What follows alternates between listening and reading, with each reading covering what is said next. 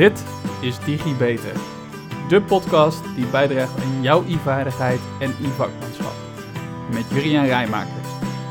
Hey hallo beste luisteraar en fijn dat je weer luistert naar een nieuwe DigiBeter. De wekelijkse podcast die bijdraagt aan jouw e-vaardigheid en e-vakmanschap in bedrijfsleven of bij de overheid. En vandaag gaan we het hebben over het internet. Want hoewel voor velen het waarschijnlijk voelt alsof het stroom is uit het stopcontact, zit er echt wel een complex systeem achter waarvan het goed is als je dat beter leert begrijpen. En dit kan ook bijdragen aan jouw begrip rondom onder andere dingen als cyberveiligheid, zoals besproken in de vorige podcast. Waarschijnlijk gebruik je het al. Het internet. Je luistert deze podcast. Misschien speel je wel eens een spelletje op het internet. Of ga je naar Facebook of Instagram of je favoriete nieuwspagina. Maar heb je je wel eens afgevraagd wat het nou is, het internet? En hoe kan het dat je de pagina waar je naartoe wil gaan zo snel kan vinden? En hoe kan het dat, zoals het onlangs gebeurde, in, zoals je gehoord hebt, met een kleine update wereldwijd ineens een computer of een appje, Facebook, Instagram en WhatsApp niet meer kan vinden? Nou, vandaag neem ik je mee in deze ongelofelijke reis van de data over de wereld, waardoor je uh, in deze podcast, uh, waardoor je onder andere naar deze podcast kan luisteren. Uit een van de datacenters waar Spotify dit onder andere heeft opgeslagen. Wanneer je aan het internet denkt, denk je vaak aan zo'n wolk, of althans, dat dacht ik vroeger wel. Uh, maar zelfs in deze tijdperk van alles in de cloud, is het internet niet zo'n wolk als dat je misschien denkt. Het internet kun je beter zien als een draad. Een draad begraven in de grond op de zeebodem met koper of met glasvezel. En ja, zo nu en dan worden er ook wel eens signalen mobiel of met een satelliet verzonden. Maar de reden dat internet vooral bedraad gaat, is omdat eh, als je een satelliet gebruikt, zo'n satelliet zo'n 35.000 kilometer boven ons zweeft van het aardoppervlak. En dus om van het datacentrum tot jou te komen, is de afstand die data moet afleggen bijna 70.000 kilometer. En je kan je voorstellen dat hoe groter de hoeveelheden data wordt, uh, hoe lastiger dit is. En het gaat zorgen voor een behoorlijke vertraging in het signaal. En bij een groot gebruik zelfs tot wachttijden. En dat is iets wat je natuurlijk absoluut niet wil met het internet, want het internet moet snel zijn. Uh, en het kan dus wel via een satelliet en het gebeurt zo nu en dan ook wel, maar in de basis kun je het internet zien als een draad tussen netwerken. En ja, dat is heel handig. Die draad tussen twee of meer computers die dan met elkaar worden verbonden. Soms doe je dit thuis met uh, je, je computers. Uh, maar denk misschien ook eens terug. Ik weet niet uit welke generatie je komt als je dit luistert. Maar in mijn tijd waren er allemaal van die mooie landparties thuis. En dan hadden we draden liggen tussen de computers. Uh, en soms ging je naar een evenement toe met meer mensen op een uh, veld. En dan ging je met z'n allen zitten gamen. En dan lagen overal lagen, uh, lagen die waren de computers met elkaar verbonden. Um, en ja, op een gegeven moment kreeg je dat op je werk, had je dat natuurlijk ook. Werden computers met elkaar verbonden. Uh, en nou, zo is dat gaan groeien. Maar op het moment dat je dat thuis doet, of op je werk, of op zo'n LAN-party, dan heb je een gesloten netwerk. Dat is alleen tussen de computers onderling. Maar we hebben het over het internet. En het internet is eigenlijk een wereldwijd netwerk, een openbaar netwerk van verschillende netwerken. En dit is ook waar de naam van internet vandaan komt. Internet stamt namelijk van internetworking, oftewel het onderling verbinden van netwerken. En zoals je misschien wel eens gehoord hebt, internet is ontstaan ergens rond 1969, vooral voor militair gebruik. En uh, langzaam werden die uh, universiteiten op aangesloten, want ja, wat drijft onze maatschappij? Hè? Kennis is onze grote drijver in de maatschappij. Dus het was goed als die universiteiten ook data konden uitwisselen. En dat gebeurde eerst binnen de universiteit in Amerika. En uh, dat groeide door naar de universiteiten wereldwijd. en zo langzamerhand is dat doorgegroeid tot een fenomeen waarop vandaag de dag echt miljoenen apparaten zitten aangesloten. En tussen al die apparaten worden bestanden uitgewisseld, e-mails verstuurd, uh, documenten uitgewisseld.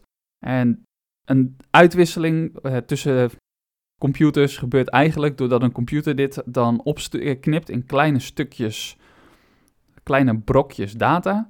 En die worden dan verstuurd. En als je die verstuurt, moet je natuurlijk wel weten waar het naartoe gaat. Want je wilt niet op het moment dat jij een e-mailtje aan tikken bent uh, naar iemand, dat jouw e-mailtje bij iemand anders terechtkomt. Of uh, stel voor dat jij jouw Instagram of je Facebook profiel aan het updaten bent. Dat die foto die je eigenlijk uh, op je Instagram wil zetten, dat die per ongeluk bij iemand anders terechtkomt. je wilt ook niet dat iedereen zomaar jouw profiel kan updaten. Of erger nog, zelfs op je bankrekening kan zitten. Nou, daarvoor is het dus noodzakelijk dat je computer of je device geïdentificeerd kan worden. En om dat identificeren te doen, heeft ieder device wat verbonden is aan het netwerk een uniek adres. Je hebt het vast ook wel eens gehoord. Zo'n adres heet een IP-adres. En IP staat voor internetprotocol. Dus je krijgt een internetprotocol-adres. En zo'n internetprotocoladres is een serie van getallen uh, waarmee jouw device herkend wordt binnen het netwerk. En het IP-adres dat kan variabel zijn, uh, maar daarvoor gaat deze podcast niet uh, is daar te moeilijk voor om dat allemaal uit te leggen, of in ieder geval te kort voor om dat allemaal uit te leggen. dus we houden het vandaag bij een versimpelde versie. je hebt een IP-adres. En jouw IP-adres kun je vergelijken met je huisadres. Eh, zodat de postbode weet waar dat post of dat pakketje bezorgd kan worden. En ook op het moment dat je iets verstuurt, dat de postbode weet waar het naartoe terugverstuurd moet worden, bijvoorbeeld als het verkeerd verzonden is. Je zou het ook kunnen zien als een telefoonnummer. Eh, je belt iemand uh, en die persoon die ziet wie er belt en die belt kan dus ook terugbellen. Je bent dus herkenbaar en ja, mensen weten je te vinden. En jij weet precies waar het naartoe moet. Dat is natuurlijk nog, ook nog belangrijk. Je kan je misschien voorstellen dat met een groeiend aantal gebruikers op het internet, van eerst enkele militairen naar daarna de universiteiten in Amerika en toen de universiteiten wereldwijd, zo voortbouwend, het aantal aangesloten nummers bleef groeien. En om die reden is er een nieuwe versie ontwikkeld op een gegeven moment van het internet. Uh, dat is IPv6. En zoals ik al zei, IP staat voor het internetprotocol, die V staat voor versie en 6 staat voor versie 6. De uh, grote versie daarvoor was IPv4, dus internetprotocol 4, versie 4. Maar in de jaren 90 bleek dat die versie al snel tekort zou schieten en omdat uh, nou, het groeiend aantal computers het aantal nummers oversteeg. En daarom werd rond 1998 versie 6 op de tekentafel aangenomen. En in rond 2017 werd deze nieuwe versie de standaard. Dus we hebben het nog niet zo heel lang hebben we de nieuwe standaard IPv6. Dat zijn dus nog meer uh, getallen waardoor je devices kan herkennen. Maar je snapt het waarschijnlijk al. Ja, zo'n reeks met cijfers is niet echt fijn om te onthouden. Uh, en zoals je, je bent dat ook niet gewend om dat in te typen. Een internetadres of een mailadres is iets waar je iets naartoe stuurt. Uh, een netwerkdevice of een pagina die je gaat bezoeken. En dat doe je in plaats van door het intypen van een serie cijfers, doe je dat door het intypen van een naam in je adresbalk van je browser of van je mailclient. Je, uh, nou ja, noem maar op, www.google.com of uh, www.facebook.com. Nou, verschillende zaken. En dat doe je in je bekende browsers zoals Google Chrome, uh, oftewel Chrome, Microsoft Edge, waarbij als je de Microsoft eraf haalt, dan is het gewoon Edge. Of Mozilla Firefox, het bedrijf daar eraf heb je gewoon de browser Firefox of Safari. Nou, die is van Apple. Um, en al die browsers die zien er anders uit, maar ze hebben allemaal één ding hetzelfde en dat is die adresbalk. En dat is de plek waarin je intypt waar je naartoe wilt. Uh, en in de basis doen ze dus ook allemaal hetzelfde. Ook een uh, mail client waar je in de AN, CC of BCC typ je dus in principe is hetzelfde als het schrijven van het adres op je envelop. Uh, mail ga ik hier wel verder even buiten beschouwing houden, want we hebben het in eerste instantie hier gewoon over de webpagina's van het internet. Nou, zo'n reeks cijfers is natuurlijk niet fijn om te onthouden. Je pincode is al lastig, laat staan van al die pagina's die je wilt bezoeken om daar het nummer van te kennen. En je wilt ook niet zelf zo'n adresboekje, zoals vroeger naast de telefoon lag, wil je naast je computer hebben, waarbij je al die namen opschrijft van waar je naartoe wilt. En daarbij het, uh, dat hele IP-adres erbij opschrijven. Nou, en daar is een oplossing voor gevonden. Um, binnen het internet waar ik dan zo op terug zal komen. Ik begin namelijk eerst met het ontleden van de naam. Want in de vorige podcast over cyberveiligheid had ik het al even kort aangestipt dat je goed moest kijken waar uh, een linkje nou daadwerkelijk je naartoe stuurt. En ik hoop dat met wat ik je nu ga vertellen, uh, voor jij het linkje wat beter te begrijpen is.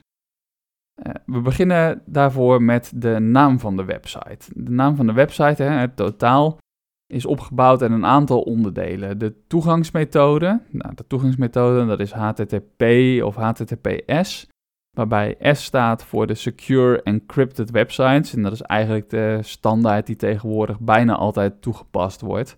Uh, en dat is een stuk veiligere methode, waarbij data ook uh, over het algemeen versleuteld verzonden worden. Uh, nou, dan hebben we het volgende stukje, dat is de host. De host is eigenlijk het World Wide Web of bijvoorbeeld mail of FTP. Maar ik zei al, ik zal de laatste buiten beschouwing laten, dus we hebben het hier over het World Wide Web. Dus je hebt http, en dan krijg je de host www. Nou, dan krijg je vervolgens de punt en na die punt krijg je de domeinnaam. Dus dat zijn namen zoals nos.nl, rijksoverheid.nl, facebook.com, etc. Als je de host en die domeinnaam, dus de tweede en die derde bij elkaar pakt, dus www.nos.nl, www.rijksoverheid.nl, dan hebben we iets wat heet de uh, Full Qualified Domain Name, oftewel de volledig gekwalificeerde domeinnaam in het Nederlands. En de FQDN, de Full Qualified Domain Name, is iets om te onthouden, want ik ga hier nog op terugkomen, vermoed ik. Na de slash, dus dan heb je https www.nos.nl en dan krijg je nog een slash in de naam. En daar komt de locatie. En de locatie is hetgeen wat je binnen het domein wilt gaan bekijken. Dus eigenlijk alsof je naar een soort van uh, bestandje in een mapje gaat ergens op jouw computer. Uh, en nou, dat kan een aantal lagen kan dat diep gaan. En uh, tot slot kan er nog, als je een bestand gaat downloaden, komt er nog een laatste slash achter. En dan zie je de naam van het bestand. Uh, bijvoorbeeld .pdf of .doc of nou ja, noem maar op. en die kun je zowel in je browser laten tonen, afhankelijk van hoe het gemaakt is, als dat het kan zijn dat je op die manier het bestand downloadt. Nou, is het nog goed om te weten dat het geheel van dit alles, dus de toegangsmethode, de host, de domeinnaam en het stukje na de slash plus eventueel het bestand, dat geheel, dat heet de URL. De URL, zoals sommige mensen ook wel zeggen. En uh, dat staat voor Uniform Resource Locator. Uh, en tegenwoordig zie je die URL vaak in je browser in die adresbalk. Uh, zonder de HTTP of HTTPS en dat www. Want dat laten ze weg. Dat laten ze wegvallen, want dan kun je andere zaken beter bekijken. het gedachte daarachter is dat dat minder afleidt. en dat wordt dan onder water voor jou wordt dat eraan toegevoegd.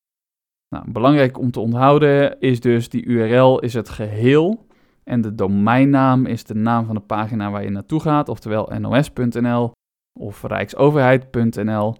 En dan heb je nog die fully qualified domain name. Dat is dus de host plus de domeinnaam. Dus www.nos.nl. Nou, dan gaan we het wat complexer proberen te maken. Um, om te beginnen, die domeinnamen. Die worden uitgegeven door ongeveer nou, zo'n vijf organisaties wereldwijd. in hun database hebben ze, die, hebben ze al die namen staan.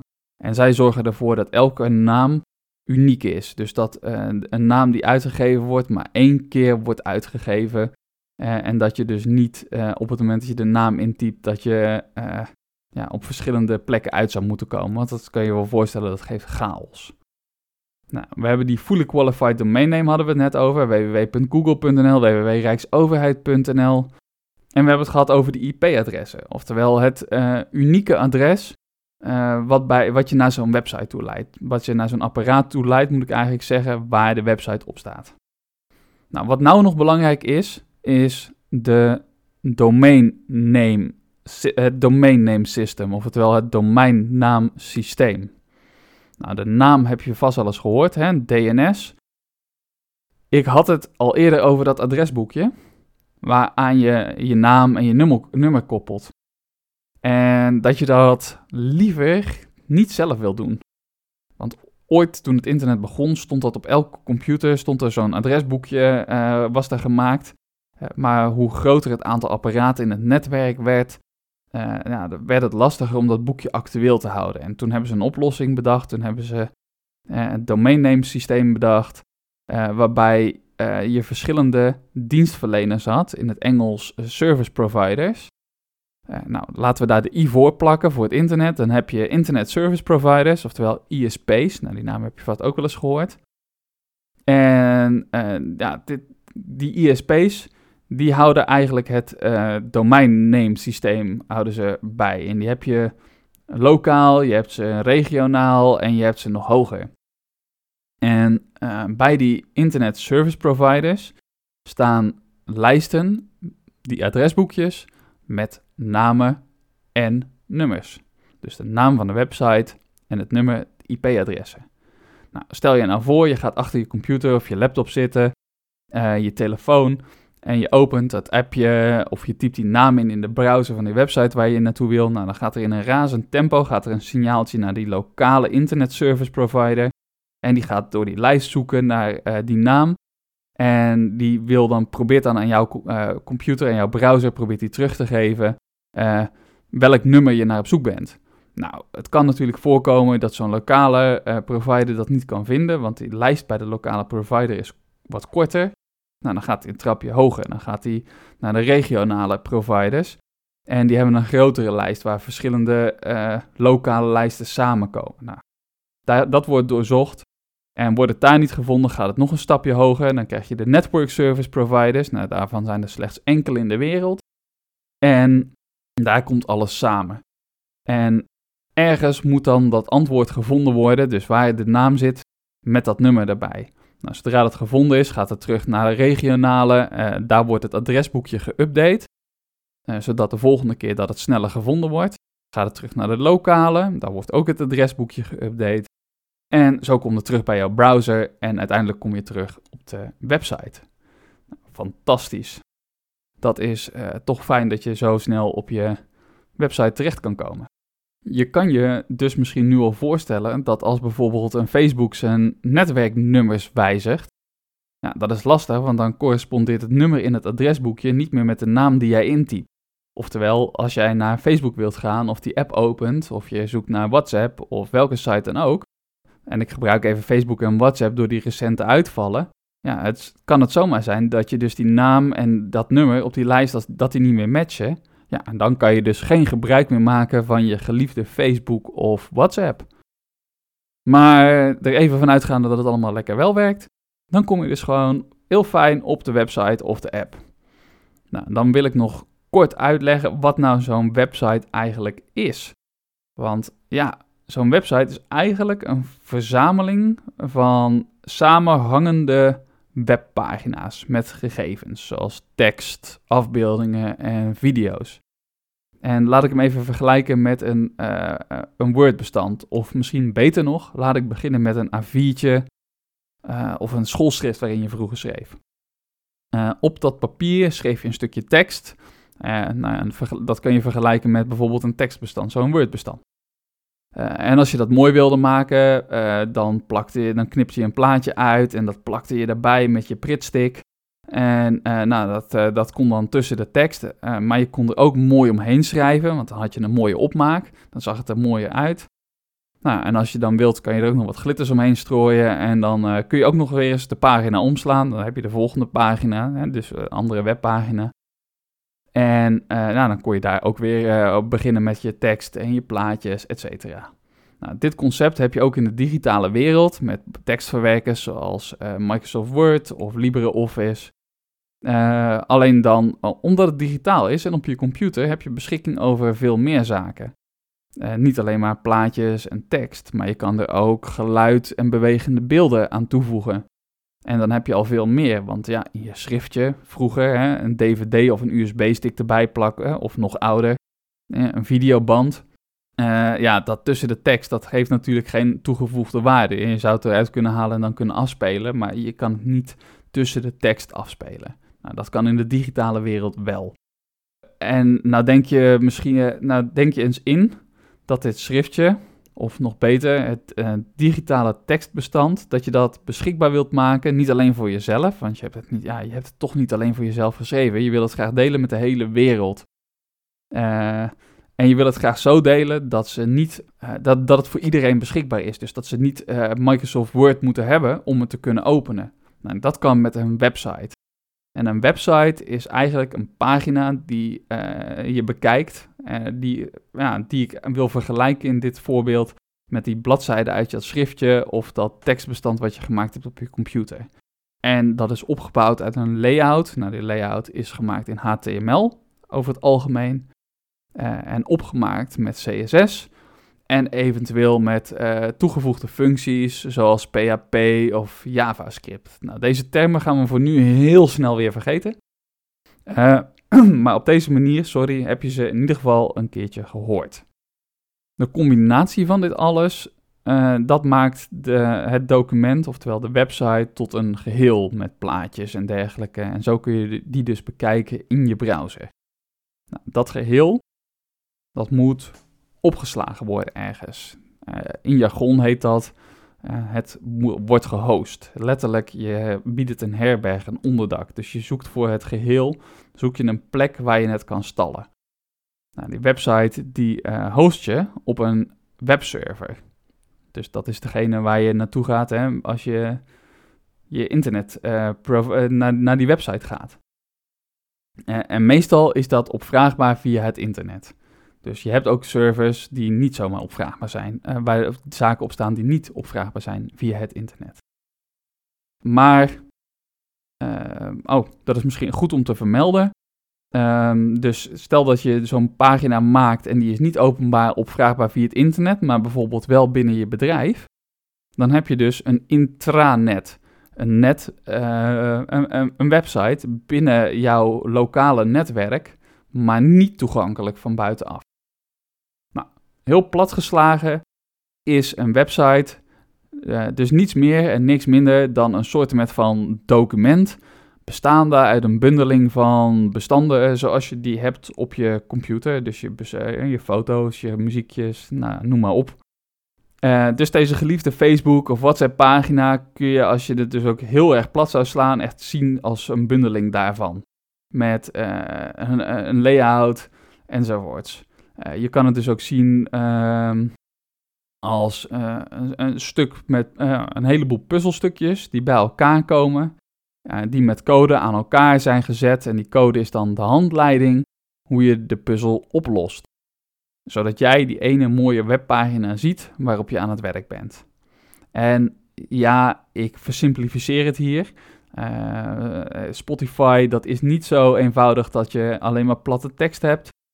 Uh, en het heeft een stuk meer functionaliteit, maar dat reikt echt te ver om hier nu op in te gaan.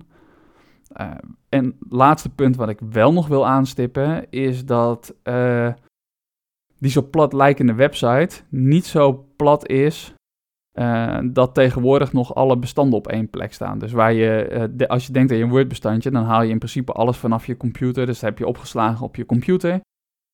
Um, maar zo'n website, dat is niet meer, niet meer zo plat als dat bestandje. Dat kan namelijk ook zijn dat dat weer van andere servers, dat daar bestandjes geïntegreerd zijn in jouw website. En doordat die systemen overal over het hele internet met elkaar verbonden zijn, is het ook steeds beter mogelijk geworden om uh, die bestanden dus vanaf andere websites bij jou in een website te integreren. Je moet het zien als een soort van uh, een doos in een doos. En dit maakt het ook moeilijker om te controleren waar nou bepaalde content, dus vulling, van, uh, van vandaan komt. En dus ook moeilijker om te bepalen of die vulling betrouwbaar is. Dus je kan zeggen, dan kan een website zijn van, van je bank. En dan denk je, ja, dat is heel betrouwbaar. Maar stel dat er nou een linkje naar staat naar YouTube. Uh, ja, dan zou daar wel weer van alles anders achter kunnen zitten. Uh, en ik zeg het nou niet om je bang te maken, maar om je te laten realiseren dat uh, de dingen die je tegenwoordig ziet op een website dus niet meer per se allemaal op één plek hoeven te staan. En je dus niet met zekerheid kan zeggen op het moment dat je denkt dat je dat, dat, je dat bestandje gaat downloaden van een website, dat het ook van die ene vertrouwde website komt waarop jij nu zit. Uh, misschien komt het wel stiekem ergens anders vandaan. Om dit beter te snappen, blijf luisteren naar deze podcastserie uh, DigiBeter. En dan komt de uitleg en de uitwerking van, uh, nou, van werking van websites, computers, the Internet of Things en nog veel meer komt vanzelf aan bod. Uh, heb je gerichte vragen, opmerkingen, feedback? Uh, ben jij of ken jij de specialist die graag kennis wil delen, al dan niet rondom een actueel onderwerp? neem dan contact met met mij op via LinkedIn. ik hou van feedback grapjes maken mag ook. Uh, maar voor nu tot de volgende keer.